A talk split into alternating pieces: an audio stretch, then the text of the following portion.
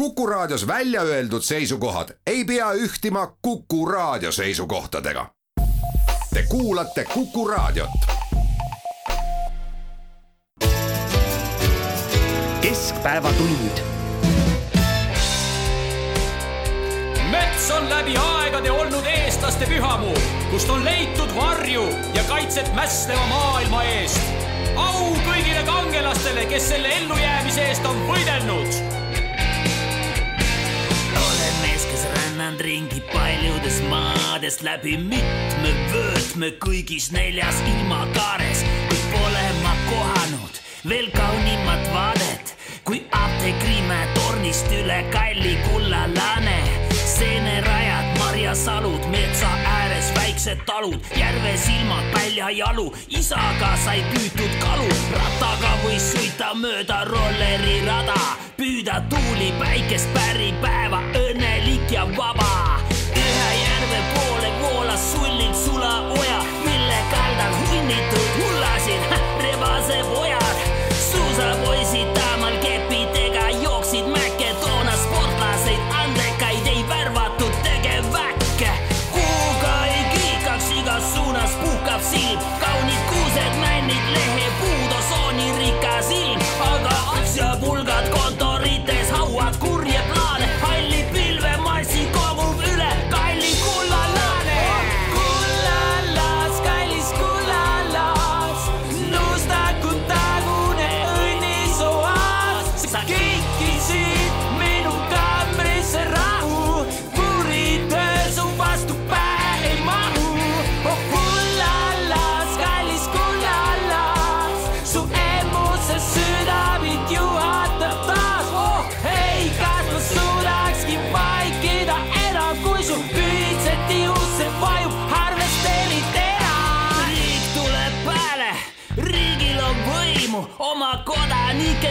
seadusega kokku kogub lõivu, aga. Hulka sellest jääb riigile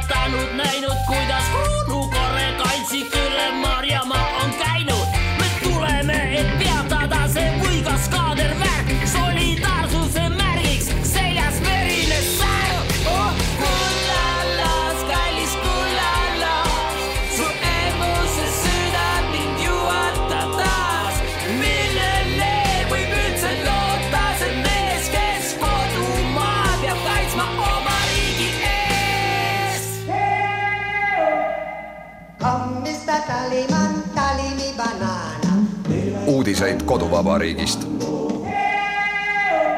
tere, siin on Keskpäevatund ja Kuku raadio Tallinna stuudios Ainar Ruussaar, Marek Strandberg ja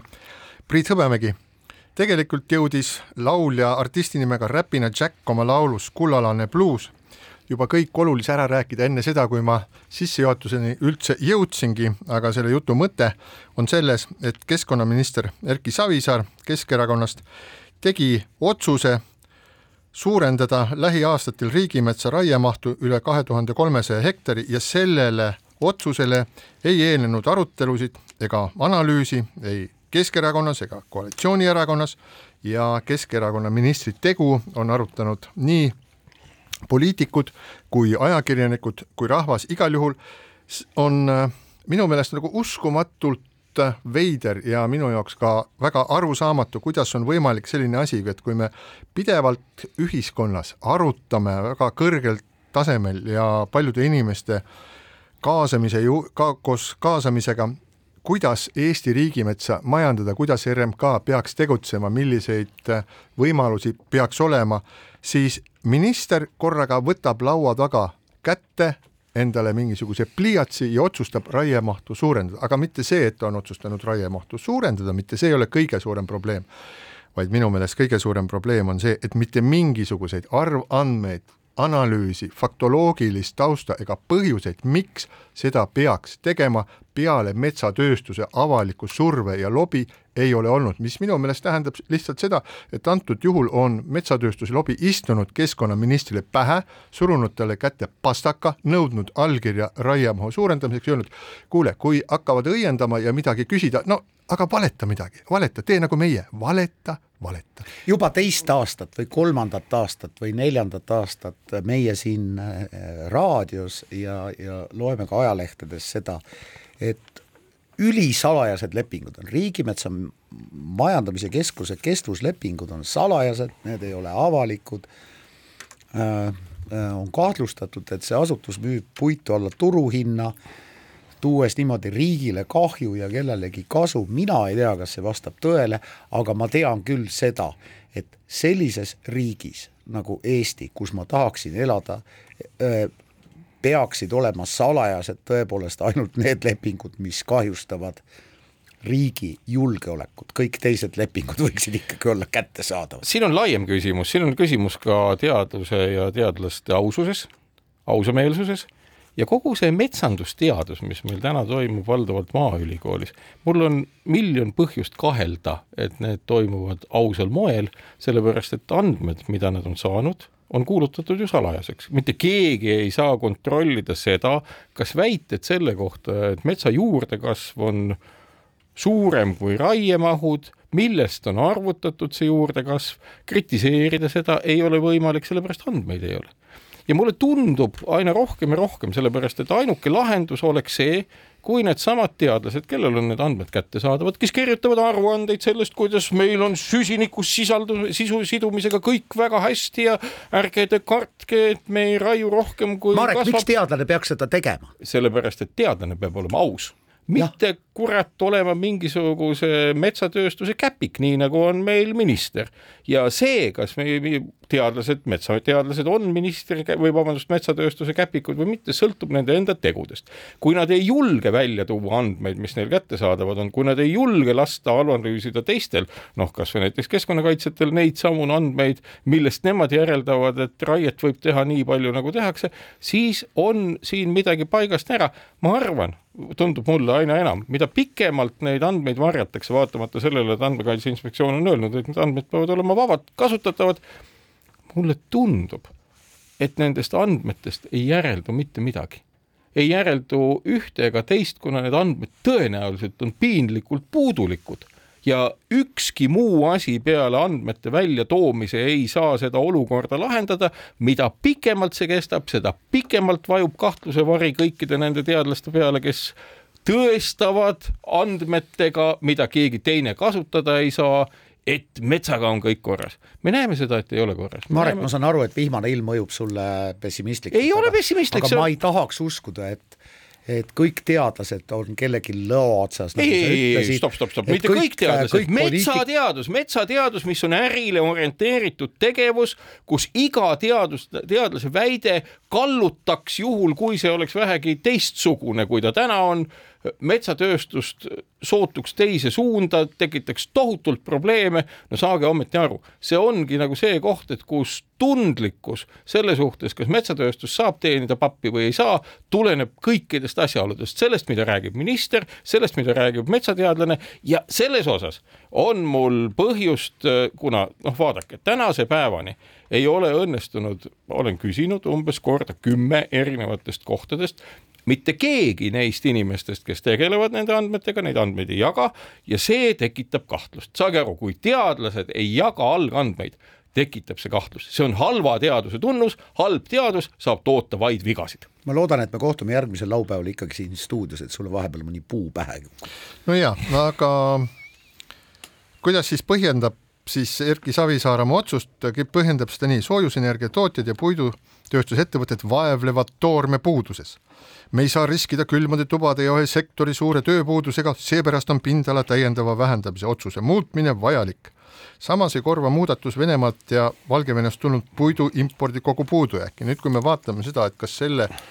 nende väidete taga on mingisuguseid fakte ja kas need äh, asjaolud, mis on siis välja toodud, kas need äh, suudab ka keskkonnaminister kontrollida, siis tuleb välja, et ei, sest et äh, ei ole olemas äh, kindlaid andmeid selle kohta, et äh, puidu import oleks siiamaani vähenenud, tegelikult näitavad arvandmed seda, et puidu import Venemaalt on pidevalt suurenenud, ehk üks selline väide langeb kohe ära, ja teine asi, kus siis äh, äh väidetakse, et tuleb äh, puitu kasutada siis külmade tubade ja sektori tööpuudusega võitlemiseks, siis on asi lihtsalt sellest, et äh, kui RMK müüb kaheksakümmend viis protsenti puidust keskuslepingutega, nii nagu kirjutab Postimehes Ülle Harju,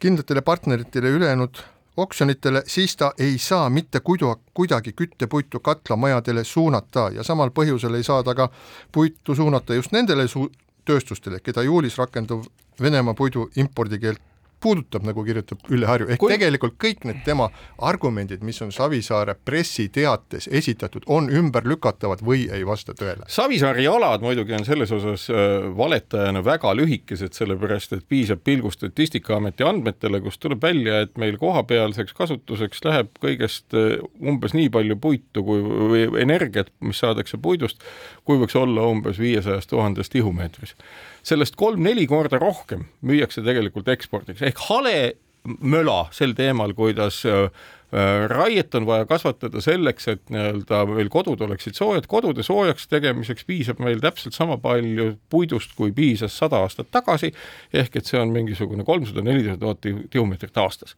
täpselt nii palju on see jätkuvalt nii tehnoloogiad on läinud efektiivsemaks ja nii, nagu ta oli saja aasta eest, on ta umbes praegu. nüüd enamus sellest eksporditakse ja eksport on hoopis teine asi ja seal ei köeta mitte meie kodusid, vaid kellegi teise kodusid, seal ei tekitata puidust mitte meile voolu, vaid kellelegi teisele voolu. ja see on see, millise äri eest hetke, vabandust, Erki Savisaar seisab sellepärast et töövõtted on tal umbes samasugused nagu tal isalgi, üsna läbipaistmatud, sõgedad ja selles mõttes nii-öelda noh, tegelikult ju metsa kahjustavad. ja kui me vaatame nagu ajaloos, siis ega võib-olla on Eestis olnud üks või kaks keskkonnaministrit, kes on päriselt aru saanud, mida tähendab nii Rio de Janeiro leping kui hiljem ka Kyoto leping, ülejäänute jaoks on metsa küsimus tulnud moka otsast, mets on oluline, miks ta on oluline, seda põhjalikult ei avata ja vaadatakse seda täpselt nagu meil saate sissejuhatavas laulus ikkagi kui kullaauku. Marek Strandberg on nüüd väga ühepoolne ja lugenud ilmselt ridade vahelt äh, ajalehti. mina lugesin ajalehti ka nende ridade pealt, mida sina ei lugenud. milliseid ja ma küll ei lugenud. Erki Savisaar ütles, et võidelda ei tule mitte tema, vaid koore üraski vastu no vaata, kooreüraski vastu võitlemine on veel lihtsam asi, et kui pöörduda ökoloogide poole, siis see möla, mida ajavad nii-öelda äh, noh, nii-öelda koolitatud. sa saad aru küll, et ma ja, ja ma saan aru, aga nii-öelda niisugune koolitatud metsa korrashoidjad, nende hulgas erinevaid ametnikke, et noh, miks ei tohi metsas olla kõdunenud puud? No vot, mets peab olema korralik, saage aru, mets peab olema korralik, seal ei tohi olla mingisugust mädanenud või maha langenud puud tegelikult, kui me vaatame sisuliselt, siis kuidas koore juures kest lahti saadakse, selleks on meil vaja rähne kust rähn talvel sööki saab. ei, saagi on vaja, elektrisaagi. elektrisaagi, ja ma tean, aga, aga ega noh, ökoloog ütleb teile lihtsalt, et selleks, et nii-öelda metsas oleks tasakaal, peab olema seal keegi, kes üraskid ära sööb. selleks, et ta seal oleks, me ei saa tellida rähni kevadel või suvel, siis kui üraskid nagu rohkem paljunema hakkavad, ta peab olema metsas ka talvel. talvel saab ta olla metsas siis, kui seal on mingisugune toiduvaru. rähni toiduvaru ongi just nimelt äh, maha langenud ja pehkinud puude nii-öelda koorte all, kus ta siis talve jooksul sööb ja on õnnelik siis kevadel ja suvel ja sööb kõik edasi. aga võtame ühe tsitaadi veel Erki Savisaare äh, intervjuust siis äh, Postimehes, ta ütleb siis niimoodi küsi-, vastuseks küsimusele. kui puitu õigel ajal välja ei too, puidu väärtus langeb, palgid ei kõlba enam majaks, on riknenud. mida vähem majandame, seda vähem süsinikku seota-, seotakse metsa ja sellist lollust, no tsiteerides Rein Langi, peavad mu kõrvad kuulma taas ja taas ühe Eesti Vabariigi riigiametniku käest. me oleme seda ühe korra kuulnud ja seda me oleme kuulnud juba Kaja Kallase käest. ma tegin äh, loodusteadlase Tartu Ülikooli professori Kristjan Soobeliga ühe intervjuu ja küsisin just nimelt äh, selle väite kohta, mida siis mitmed Eesti riigiametnikud on korduvalt väitnud, et metsa tuleb kõvasti majandada, et siis see seob rohkem süsinikku. Kristjan, professor, ökoloogia professor Kristjan Soobel ütleb nii, et Erki Savisaar nüüd kõrvad kikki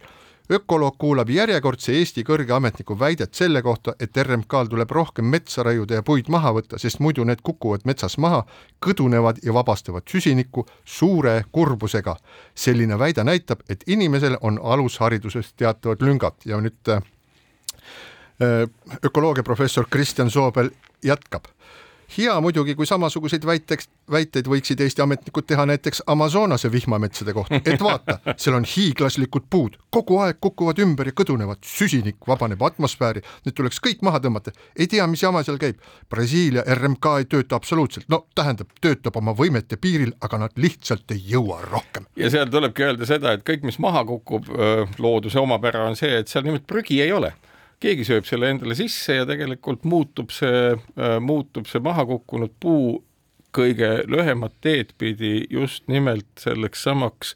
materjaliks, milles süsinik on hoitud, kellegi toiduks, edasi mullaks ja nii edasi ja nii edasi. me peame arvestama sellega, et kui maapinnal on meil umbes pool või viissada miljardit, äh, viissada miljardit tonni kõikvõimalikke taimi, siis maa sees mullas on süsinikuna üle planeedi salvestatud tuhat viissada kuni kaks tuhat miljardit tonni, üle triljoni tonni. ehk et, ehk et asjaolu, et on olemas ringkäik, on siiamaani, kui ökosüsteemid on tasakaalus ja mida raiumine häirib sedasama tasakaalu, on muldades nii-öelda süsiniku hulga kasv täiesti veel olemas ja see kaob, kui me tegeleme kogu aeg iga hommik nii-öelda metsa raseerimisega, mis on meie jaoks nagu niisugune mõnus tegevus, kuna loomulikult väga paljude jaoks on mets lihtne viis saada raha ja selle, selle jätkumine tegelikult loodusele kahjulik. minu alghariduses on ka lüngad, hea Kuku raadio kuulaja, sellepärast et ma ei saa päris hästi aru, et me räägime kohutavalt palju rohepöördest aastast kaks tuhat kolmkümmend viis, kaks tuhat viiskümmend, ainult et samal ajal kuuleme me üha rohkem ja mina ise olen teinud, vahendanud teieni intervjuusid sellest, et no ikka, ikka peaks metsa raiuma ja põlevkivi ahju ajama ja et mis asja ma sellest rohepöördest räägin, no ärme soni, noh, see oleks tulnud ära teha on ammu enne pandeemiat ja ammu enne sõda, see rohepööre oleks tulnud ära teha pärast seda, kui oli viimane majanduskriis kaks tuhat kaheksa aga me räägime ja räägime ja siis ütleme, et kurat, elektriarved on ikka nii kõrged, et äkki ikka venitaks veel paar aastat. tõesti, minu alghariduses on ilmselt suured lüngad, mina ei saa aru ja nüüd õppejõud Marek Strandberg ja Priit Hõbemägi, kes on äh, toredad, väga targad inimesed, oskavad mulle äh, seletada ja minu alghariduse lünki parandada? no üldiselt on nii, et selleks, et täita siis äh, Euroopa Liidu ees võetud kliimakohustusi ja pikas perspektiivis CO2 rohkem siduda, tuleb vähendada raiemahtu Eestis, tuleb vähendada, need on Euroopa Liidu poolt ette kirjutatud Eestile praeguses, praeguse äh, süsteemiga analüüsi tulemused ja neid tuleb täita, aga see on, toimib nagu see, see tegevus äh, toimub Eestis nagu kahes suunas, ühes suunas kuulatakse ära siis need, kuulatakse ära, mis Euroopast öeldakse, öeldakse jah, et me teeme siin, teeme rohe, teeme siin, tegeleme rohepöördega, me oleme siin sellega kaugele juba jõudnud, siis ja selle varjus käib selline nagu silmakirjalik tegevus. no aga ta... ülejärgmisel aastal vähendamegi. oota nüüd, oota nüüd, ei, me ei vähenda, nüüd kui me räägime sellest, et Eesti metsades hakatakse eh, võtma siis tuhandete hektarite võrra rohkem palki, siis kuhu suur osa sellest palgist läheb, vaat see suur osa palgist läheb, sellest palgist tehtud eh, pelletitest läheb siis eh, Taani või läheb Inglismaale, kus need aetakse pelletitena ahju, see see süsiniku kadu jääb meile sinna, aga britid ja taanlased seda süsiniku kaoks ei arvesta, sellepärast et see ainult toodang on neile viidud, õnneks seal juba nagu seisukohad hakkavad äh, selles osas ka muutuma. Ja, ja kui nüüd mõni metsatööstur kogemata tahab vajutada Messengeri nuppu ja öelda, et ei, et lähevad ainult mingisugused jäätmed, siis, siis palun väga, vaadake neid lõputuid fotosid, mida me võime näha siis äh, metsakaitsjate koduleheküljel, kes on käinud pelletitootjate laeb, laoplatse pildistamas, kus on suurejoonelised ilusad palgivirnad, mitte mingisugust prahti seal ei ole ja no loomulikult mõnes kohas võib-olla on, aga no palgivirnad on seal küll. taust on loomulikult selline, et see nii-öelda mantra mis kestab tegelikult üheksakümnendate aastate algusest, et me ilma põlevkivita ei saa, me ilma vahepeal ka nüüd metsa põletamata ei saa, et see mantra ongi nagu alati, kui mingisuguses tehnoloogilises revolutsioonis või muutuses tuleb mingigi tõrge, siis kogutakse kõik need asjad uuesti välja, öeldakse, näete, ei saagi teistmoodi. selle nii-öelda rongi veduriks on palgatud mitmeidki akadeemikuid, kes oma kõrgetest tiitlitest lähtuvalt targutavad täpselt samal teemal, et teate, kõigepealt tuleb ikka enda asjade eest seista, siis Eesti asjade eest ja siis võib-olla Euroopa Liidu asjade eest. ja Euroopa Liit üldse on teate niisugune Nõukogude Liiduga analoogne asi. ehk et niisugust nagu üsna imelikku möga tuleb sealt suust, kusjuures inimese peamine olemus ongi ju ühis tegevuses oma edu saavutada, mitte isiklikus edus olla tubli, sellepärast et siis ju ühine edu jääb saavutamata. Ja kõik need nii-öelda noh, ütleme tänaseks hetkeks arusaamised tsivilisatsiooni põhimõistetest ja olemusest pööratakse ühtäkki pea peale. selle tõttu, et keegi tahab teenida veel raha sellest ressursist, mida veel saab kasutada, olgu see põlevkivi või olgu see mets. ja, ja lõpptulemuseks on see, et me ilmselt kaagutame täpselt samadel teemadel ka veel kümne aasta pärast, kümne aasta pärast olukord on selline, et me paratamatult ostame oma energiatehnoloogiad, olgu need siis vesiniku või mis iganes tehnoloogiad, sisse kellegi teise käest ja imestame, et issand jumal, kuidas see nüüd kõik nii kalliks on läinud olemata sellesse ise mitte midagi panustada. ja siis võib-olla on samamoodi nagu kunagi oli QGSM-iga, et kui tehti väljasõit QGSM-i levipiirkonda, et sõidame siis Tallinnast, teeme väljasõite metsapiirkonda, kus me saame näha puud, kus on võib-olla plastmassist rähtpuu külge traadiga kinnitatud, mis ja teeb kopp-kopp. mootor, mootori jõult teeb tok-tok-tok. just, just, et igal juhul seesama, see mm, riigimetsa uuendusraiete pindala laiendamine kahe tuhande kolmesaja hektari võrra, et äh, seda ei toe-, ei toeta osa äh, Riigikogu keskkonnakomisjonist, seda ei ole arutanud ei valitsusistungitel ega kabineti nõupidamistel, seda ei ole olemas koalitsioonilepingus, kuna kokkulepe on seal, et raiesurvet tuleb vähendada ja poliitikud, suur enamus poliitikutest ütleb, et niisugust asja pole arutatud kuskil ja see on nii-öelda väljaspool seda konteksti, mis meil on nagu raiemahuga käitumise osas. Ja no kui siis äh, Reformierakonnast Mark Võrklaev ütleb, et kui need küsimused on, siis valitsus peab need arutama, teeme tausta selgemaks ja siis otsustame edasi, oleks minu jaoks nagu väga huvitav, et tõepoolest, et nüüd, kui üks äh,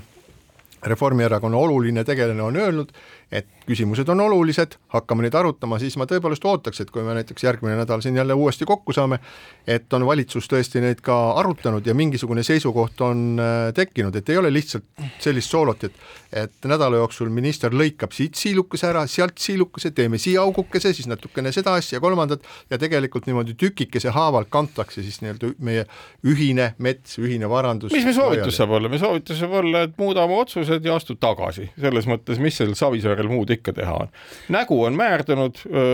igatepidi teod on kummalised, korruptsioonilõhn hõljub õhus, ei tea, kellelt tuleb, aga igal juhul nii-öelda see pilt on ülimalt halb ja tõenäoliselt ei ole ka valitsusjuhil tõenäoliselt mitte midagi muud teha, kui sellest ministrist lahti saada. ütleme, Erki Savisaare ülemus, valitsusjuht Kaja Kallas, kellele sa viitasid, on ka öelnud, tema jaoks on see kummastav ja arusaamatu, mida tema alluv on teinud, ootame esmaspäeva õhtu ära. ja ütleme nii, et Erki Savisaar on Vaiguga paksult koos, järelikult tuleb ta visata kibuvitsa põõsasse. ja siinkohal väike paus. keskpäevatund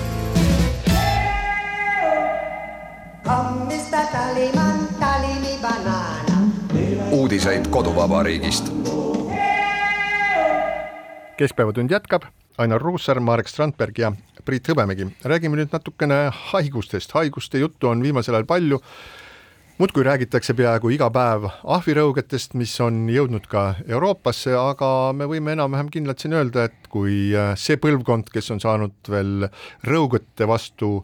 vaktsineeritud või pookimise ja kuskil seal õlavarre peal on väike selline tärnikene veel säilinud, siis nendel tõenäol-, tõenäoliselt ei ole ahvirõugete pärast vaja väga palju muretseda. ja ahvirõugete juurest koroonapandeemia juurde eelmisel aastal, kui koolidel, sügisel oli koolidel vaja kiiresti hankida kiirteste, siis juhtus selline asi, et Haridus- ja Teadus, Teadusministeerium tegi ühe väga kiire hanke, mis võib-olla algas kehvast planeerimisest ja selle tulemusena läksid, läks nende maskide hankimine väga kiiresti ilma riigihanketa, ehk siis ähm, valiti kõige kiirem hankeviis ehk välja kuulutamata läbi, läbirääkimistega riigihange, sõlmiti leping ettevõttega OÜ Self Diagnostics ja ettevõte pakkus viie koma miljoni euro eest kaks miljonit testi ja kui uus koolinädal algas, olidki suuremas osas koolides testid päral. Ja nüüd on olukord nii kaugel, seda asja on uuritud risti ja põiki ja prokuratuur on tänaseks langetanud oma otsuse, mis siis kõlab niimoodi, et koolide kiirtestide muretsemiseks riigihanke korraldamata jätnud haridus- ja teadusministri Liina Kersna suhtes ei alustatud prokuratuuris kriminaalmenetlust, kuigi Riigikogu EKRE fraktsiooni saadikud esitasid maikuus Riigiprokuratuurile ja kapole avalduse alustada kriminaalmenetlus Kersna suhtes, juhtides tähelepanu kiirtestide hankele ja nii edasi ja nii edasi. Mina näen kogu selles loos ühte ohtu, üldse mitte kaitstes minister Kersnat või teda õigustades või teda halvustades, aga kriisiolukordades tuleb aeg-ajalt langetada kiireid otsuseid, mida hiljem saab vaidlustada, kahtluse alla seada, aga see oli olukord, kus tõepoolest oli vaja langetada kiire otsus ja ilmselt, ilmselt oli siin ka asjade kokkusattumus, ehk siis äh, keegi tuli ja ütles, et me teeme selle kohe ära ja öö, otsustaja pidi langetama otsuse, ehk siis mehed, te teate täpselt samamoodi, et kui on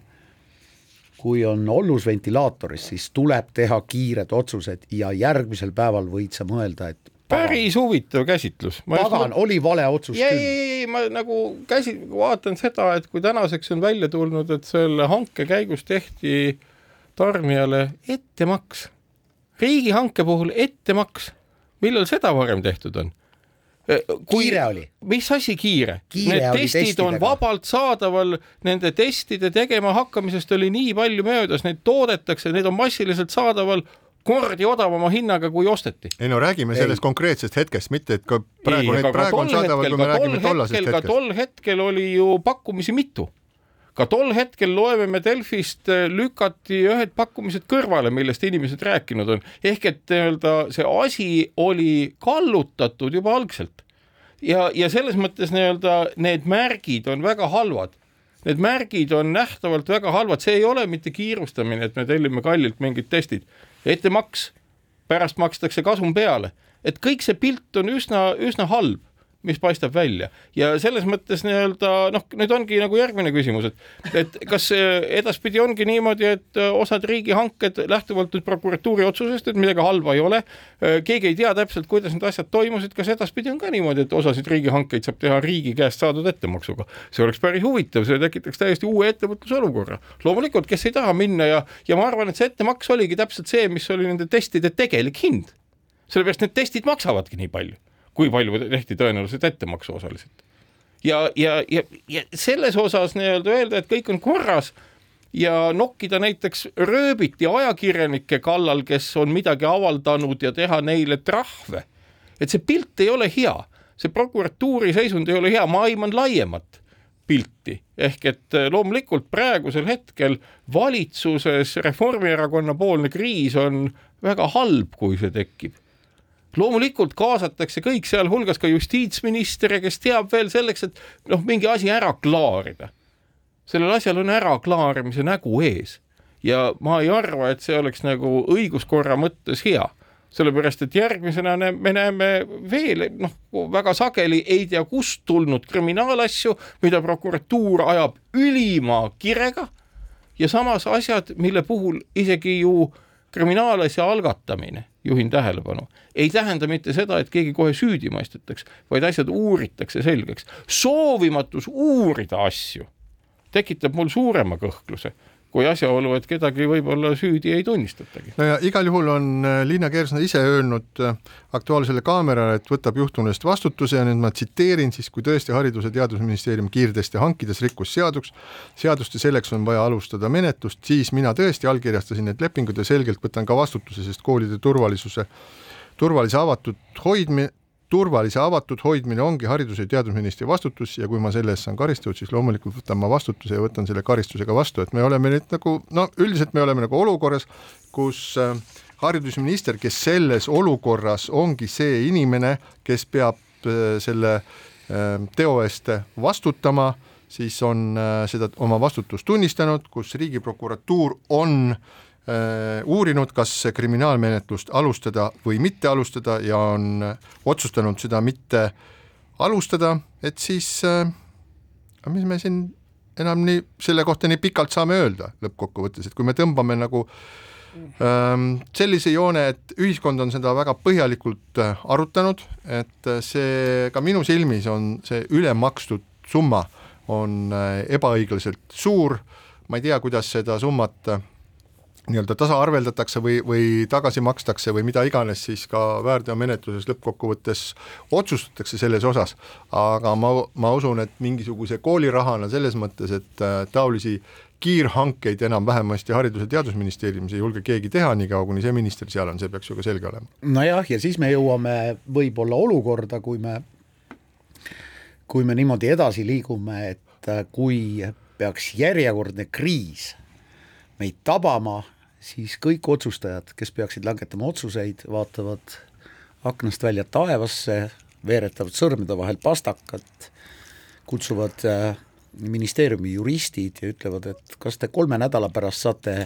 anda mulle analüüsi, et millise otsuse ma peaks vastu võtma. nii nagu, ei ole, kriisiolukorras tuleb teha otsus. isegi, isegi kui see on vale see on, see on bad luck mit, mitmes nagu olukorras, et kui sul on, kui, kui on kriis, siis millest me peaksime nagu kriisi juures äh, kõigepealt lähtuma, esiteks ma võiks öelda seda, et see tol hetkel ei olnud enam mingisugune kriis, mis kukkus pähe, selleks ajaks oli juba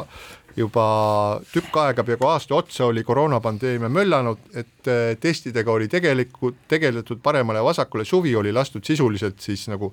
mööda ja lapsed läksid kooli ja, ja just nimelt ja kellelegi ei tulnud pähe, et lapsed lähevad sügisel kooli ja see koolidesse ei ole ehitatud ventilatsiooni, mida siin Marek nõudis juba kevadest alates, see oli ikka kõik tegemata, see oli kõigile suur üllatus ja nüüd sattus selle masina, masi-, ma ei taha kedagi õigustada, siis selle masinasse sattus siis äh, haridus- ja Teadusministeerium, kes pidi, kes pidi võtma vastu mingisuguse kiire otsuse ja hankima neid maske, kuna ootamatult selgus, et terve Terviseamet ja kogu Sotsiaalministeerium, mis oleks pidanud sellega tegelema, ei olnud sellega suve jooksul hakkama saanud. Ja nad ei, lihtsalt nad, nad ei oota. Ja nad ei olnud seda ehm. ja neid lihtsalt ei olnud. Ja, ja nüüd ma ütlen, et antud juhul mina nihutaksin tegelikult selle vastutuse fookuse hoopis kõrgemale, et kui vaba riik, kui Eesti Vabariigi valitsus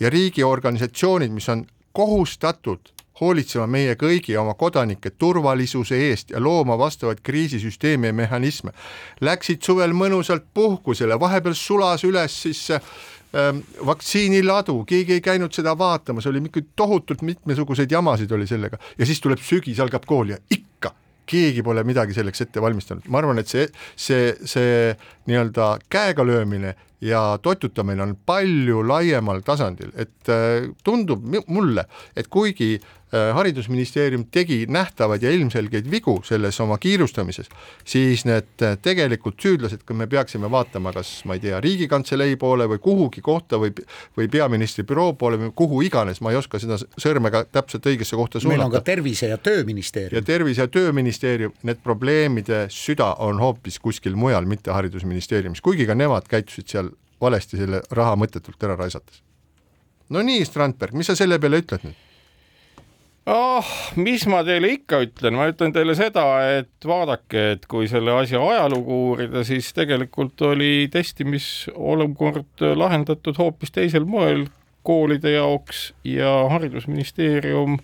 keeldus sellest ja soovis teha kiirteste. sotsiaalministeeriumis oli tõenäoliselt ette valmistatud hoopis teine testimismudel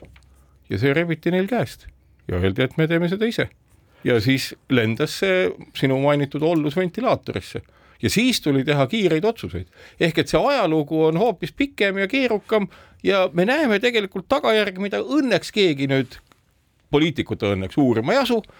tausta välja ei selgitata ja asi jääb täpselt selliseks, nagu on. Haridusministeerium väljub asjast kangelasena, kõik teised on äh, ludrid ja rumalad ja, ja niisugune see pilt ongi, ehk et veel kord, ma arvan, et ajakirjanduses on siin uurimist kõvasti palju, ma ei imestaks, kui prokuratuur peab oma sõnu sööma hakkama ja selle asja uurima uurimise uuesti ette võtma. Marek, sinu sõnum minu jaoks jäi segaseks. koolis ei saagi teha muud kui kiirtesti, see ei ole võimalik, et lapsed lähevad kella kaheksaks kooli ja siis ei tehta neile mitte kiirtesti, millised... vaid kolm tundi järjest tehakse, äh, ma ei tea. ei asjad on väga lihtsad, kuna need asjad on, kui ei ole lihtsad, kiirtest on lihtne. ma seletan sulle, et, et, et sa aru saaksid ja et kuulajad ka aru saaksid. põhimõtteliselt on võimalik teha ka kollektiivset nii-öelda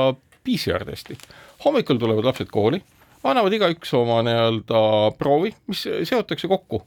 terve klassi ulatuses, tehakse PCR test kõikide klassiõpilaste kohta ja kui klassiõpilastest ükski annab nii-öelda positiivse testi. kogu klass läheb koju. kogu klass läheb koju. jama ju. ja mis mõttes jama, nii ju, nii ju toimuski uh,. nii ju toimuski, täpselt toimus ka kiirtestidega, mis mõttes jama? mina andsin siin äh, Kuku raadios ühel hommikul positiivse testi mind saadeti koju, aga Kuku raadiot ei pandud kinni. no see oli juba hiljem hilja oli kinni panna, aga põhimõtteliselt, kui te lähete, siis äh, algab jälle uus õppeaasta, teie lapsed lähevad kooli ja nad koju tulles ütlevad teile, et miskipärast õpetaja käskis meil äh, enne klassi sisenemist ämbrisse sülitada, siis teadke, et seal tehti kollektiivset PCR testi ja siinkohal väike paus. keskpäevatund. Come Mr. uudiseid koduvabariigist. ja Keskpäevatund jätkab, Ainar Ruussaar, Marek Strandberg ja Priit Hõbemägi siin. ja meie võime siin muidugi istuda rahulikult selles kenas stuudios, aga Hiiumaa haisvatel randadel koristavad elanikud oma teadmiste järgi masuuti, mis siin on tulnud, kus see masuut sinna on saabunud, seda pole siiamaani siis selgeks saadud, aga igal juhul Tahkuna poolsaarest kuni Heltermaani ja Vormsi loode nurgas on siis rannad reostatud, see on juba see, see masuut, mis sinna on jõudnud, on juba lagunenud, ta on selliste tükk, tükkideks lagunenud, nii et ta ei ole tulnud nagu otse vee pealt sinna kandunud, kui ta oleks otse vee pealt sinna kandunud, siis oleks seda palju raskem koristada, aga midagi toredat seal ei ole, et äh, naistel mustad prügikotid ja kummikindad ja reostus korjatakse kokku ja, ja asi on ropp ja must töö ja nüüd äh, üks küsimus on see, et kuskohast siis üldse kogu see reostus sinna saabus, aga teine asi on siis see, et kuidas siis sellist reostust üldse nagu tuleks, kuidas selle reostuse haldamine nii-öelda toimub, et praegu tegeleb sellega kohalik omavalitsus, aga siis, kui selle konkreetse reostuse asjaolud hakkasid selguma, siis äh, hakkas äh, nii-öelda riigiaparaat vaikse surinaga tööle, et aru saada, et kuhu maale kellegi vastutus äh, ulatub ja selleks, selleks, selleks ajaks, kui sai enam-vähem selgeks, et mis päästus, Päästeameti vastutus on ja mis asjaga tegeleb keskkonna, Keskkonnaamet ja selleks ajaks olid äh, saare naised juba suure osa tööst ära teinud, kui niikaua, kuni ametnikud istusid oma kabinetis ja arutasid, kes millegi eest peaks vastutama. minu meelest see on nagu täielik jama, et kui meil on, kui meil sünnib selline järjekordne väikses formaadis looduse katastroof, et siis hakkavad ametnikud arutama, et ei tea, et kas see on ikka meie asi või see on kellegi teise asi, aga samal ajal naised istuvad rannas ja korjavad sodi. keskkonna, täna, täna hommikune uudis küll ütles, et, et vabatahtlike abiga on, on Ruhnu saare see nurk, mis sai reostatud peaaegu puhas aga Vormsit mõtled ah?? Vormsit mõtled? vabandust, Vormsit jah mm.. Kuhnuni vist veel ei ole jõudnud. Äh, jaa, et äh, see on nüüd vabatahtlike abiga korda tehtud ja jumal tänatud, et neid vabatahtlikke ikkagi piisavalt äh, jagub, aga tõepoolest, detektiiv Strandbergile on küsimus, et kuidas selline reostus jälle tekib, mis tähendab seda, et tegelikult meil puudub ülevaade reostusallikatest, mis on ilmselt merepõhjas või siis sõidavad mööda merepinda meist mööda. aga kuna reostus, ma saan aru, ma olen võhik, aga ma saan aru, et see reostus ei olnud värske reostus, see oli vana reostus. seda me ei tea muideks selles mõttes, et no kui, kui mingid känkrad tulid. jaa, ma lihtsalt kõnelen kahe tuhande kuuendast aastast, kui Nõval oli täpselt samasugune reostus, mis pärines laeva pealt ja, ja ilmselt oli ka siis mere peal punkerdamisest alles jäänud ja masuuti äh, osa sellest tuli siis nii-öelda pinnareostusena, aga osa täpselt samasuguste känkardena, kuna masuut võib olla ka veest raskem ja minna põhja ja siis seda seal nii-öelda mätsub liiva ja muuga kokku ja moodustavadki känkrat, tuli ka kahe tuhande kuuendal aastal selliste känkardena, aga siis oli jah teada, et on ikkagi laeva pealt tulnud. nüüd selles osas nüüd ma tuletan siin raadiost meelde, et ehm, Postimehe poolt tegin ma palve, et Keskkonnaamet, mis on selle analüüsi ka tellinud, et ta seda analüüsi tulemust jagaks. loomulikult on meil endal ka olemas nii-öelda proovinäidised ja ilmselt me peame siis laskma nad sõltumatult analüüsida, kui me Keskkonnaametist nüüd homm-, esmaspäeval, teisipäeval neid vastuseid ei saa, et äh, aru saada, millest see, millest see saaste koosneb. aga juba nagu esimene asi, et nagu kahe tuhande kuuenda aasta reostusega, millega tegeles siis aktiivselt Eestimaa Looduse Fond, kaasates siis väliselt abistajaid, kes seletasid, mismoodi sellega toime tulla ja mismoodi mitte, siis esimene asi on see, et ega nagu üsna ohtlik on juba omavalitsusel paluda appi minna vabatahtlikel, kui eelnevalt ei ole seda masuuti analüüsitud. sellepärast, et kui selle masuudi koostises on komponendid, mis on nagu toksilised, kantserogeensed või mis iganes ja neid tavaliselt sinna segatakse, fenoolseid ja muid ühendeid, siis inimeste nii-öelda küll kinnastes äh, askeldamine, aga ilma respiraatoriteta, äh, mis keemikaale kinni peaksid, on juba üsna ohtlik. ehk et tegelikult seesama vabatahtlike kaasamine entusiastlikult sellesse tegevusse ilma piisavate kaitsevahenditega, ilma teadmata, millega on tegemist, on minu meelest riskiallikas. seda enam, et siseministeerium on pikaldaselt ju merereostusega toimetuleku ette valmistanud on kõikvõimalikke, kõikvõimalikke vahendeid hangitud ja ettevalmistusi tehtud, kusagil ladudes need on, aga käim-, käitumismudelit ei ole olemas. ja nüüd me saame teada seda, et vot järgmisest aastast tõenäoliselt, kui laevastikud ühendatakse, siis merereostusega peaks tegelema hakkama üldse merevägi, mitte enam piirivalve ja kes tegeleb sellega, kui see reostus lörtsti rannale jõuab, seda ei oska keegi tänase päevani selgelt öelda või vähemalt kui öelda osatakse, ei ole sellest lähtuvalt käitutud. no jaa, aga ei olegi ju võimalik, et kui mingil imejuhtumil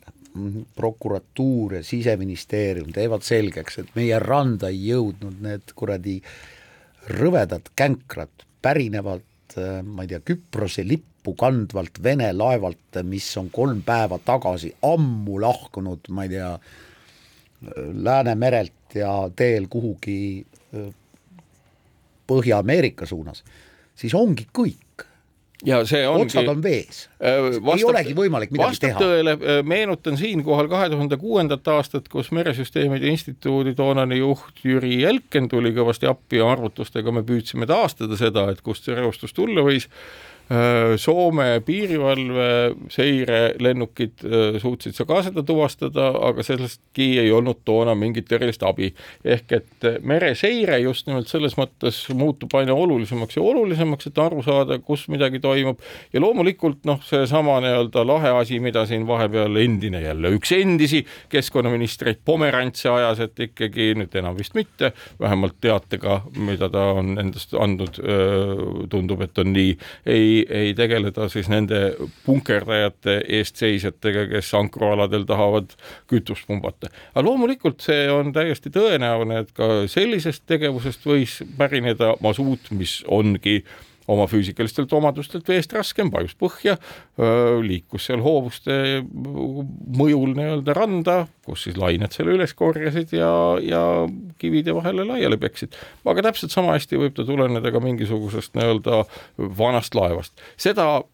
vastust. Me saamegi tegelikult detailsemast analüüsist, sellepärast et noh, jällegi keemiatööstus on hakanud oma jäätmeid segama ja jääke segama masuudiga, et see vedelam oleks ja enam-vähem on ju jälle, kui natukene informatsiooni kasutada ja niisugust kriminalistikat teha, siis üldiselt koostisest on võimalik aimata, kui vana see masuut olla võib.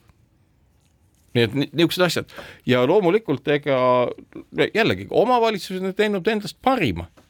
aga jällegi panna vabatahtlikud, kes noh, meil on see näidis ka siin toimetuses olemas sellest tökatist, eks ole, korralikult kinni pandud, et ta ei haise, aga lõhn, mida ma sealt tundsin, on ikkagi, viitab selle peale, et see ei ole pelk naftakeemia produkt, et sinna on ikkagi mingisugust löga juurde segatud. seda me tõenäoliselt saame, loodetavasti saame siis äh, teada, mida see sisaldab, selle nädala üks olulisi teemasid on olnud veel lastetoetuste reform, mille siis tõstatas Keskerakond ja soovis seda siduda äh, riigi, riigi lisaeelarvega ja see on tekitanud suuremat tüli, mis ei ole siiamaani mitte kuskile jõudnud, kui mitte edasijõudmiseks arvestada seda, et peaminister Kaja Kallas ja Keskerakonna juhid Jüri Ratas ja Jaanus Karilaid loobivad vastastikku erineva vängusastmega ultimaatumeid, et mida kõike siis võib juhtuda, kui see seaduseelnõu vastu võetakse või vastu ei võeta, aga tegelikult ole siiamaani nad ei omavahel paistab midagi sel-, selgeks rääkinud ega ka ega ka avalikkuses pole midagi selle kohta selgunud, nüüd äh, need andmed, mida siis öelda, see, mida öeldakse ministeeriumites selle Keskerakonna eelnõu kohta on see, et äh, kui soovida nüüd selle Keskerakonna poolt soovitud äh, kiirusega see eelnõu vastu võtta, siis see tähendaks põhjalikku IT-süsteemide ümbertegemist, sellepärast et toetused arvustatakse, on, tehakse masinaarvutusega. ja uusi riigiametnikke tähendaks uusi riigiametnikke, see tähendaks indekseerimise muutmist ja paljude seaduste muutmist ning selle sidumist selle uue seadusega, et seda lihtsalt nii kiiresti ei saa, öeldakse ja see kõlab väga realistlikult ja selle peale ma lugesin tänasest nädalavahetuse Postimehest intervjuud Jaanus Karilaiuga, kes ütles tõeline nagu Nõukogude väejuht, ütles nii, kui vaja, küll saab ka kiiresti, ma tsiteerin praegu mälu järgi, aga mõte oli selles, et küll nad saavad ka kiiresti, kui vaja on. Ja minu meelest, kui me hakkame Eesti riiki pidama sellise nagu põhimõttel, et väejuht ütleb, et kui vaja, siis jooksevad nad äh, ka kahe sekundiga sada meetrit, kui me neile ütleme, mida tuleb teha. et see on üks jama, see ei ole nagu hea riigipidamise mõte, et riiki tuleb pidada rahulikult ja mõelda nende asjade üle järgi, aga praegune süsteem ei ole hea aga kõigile soovitan lugeda selle nädalavahetuse Postimeest, Postimees nädalat, seal Ene-Margit Tiit kirjutab üsna selgelt sellest, millest sõltub laste arv ja ütleb, et juhul, kui naised sünnitavad hiljem, võib juhtuda lõppkokkuvõttes olukord, kus terve põlvkond sajandist kaob ära ja see on põhjus, peamine põhjus, mis on toimumas Eestis ja väga paljudes riikides, kus lihtsalt põlvkondi ühte sajandisse jääb vähem ja seetõttu ka lapsi jääb vähem. Äh, statistik ja demograafia andmete analüüsija teab seda ja lugege ja saage aru, mis protsessid tegelikult rahvastikus toimuvad. tõepoolest, et ärge laske endal poliitikutel mingisuguseid nuudleid kõrvade peale raputada ja riputada ja juustu peale, uurige ise neid asju, saage asjadest aru ja siis te näete, mis maailmas toimub ja valite kindlasti järgnevatel valimistel õigeid inimesi ja siinkohal täname teid täna kuulamast, kõike head ja kohtume taas nädala pärast. keskpäevatund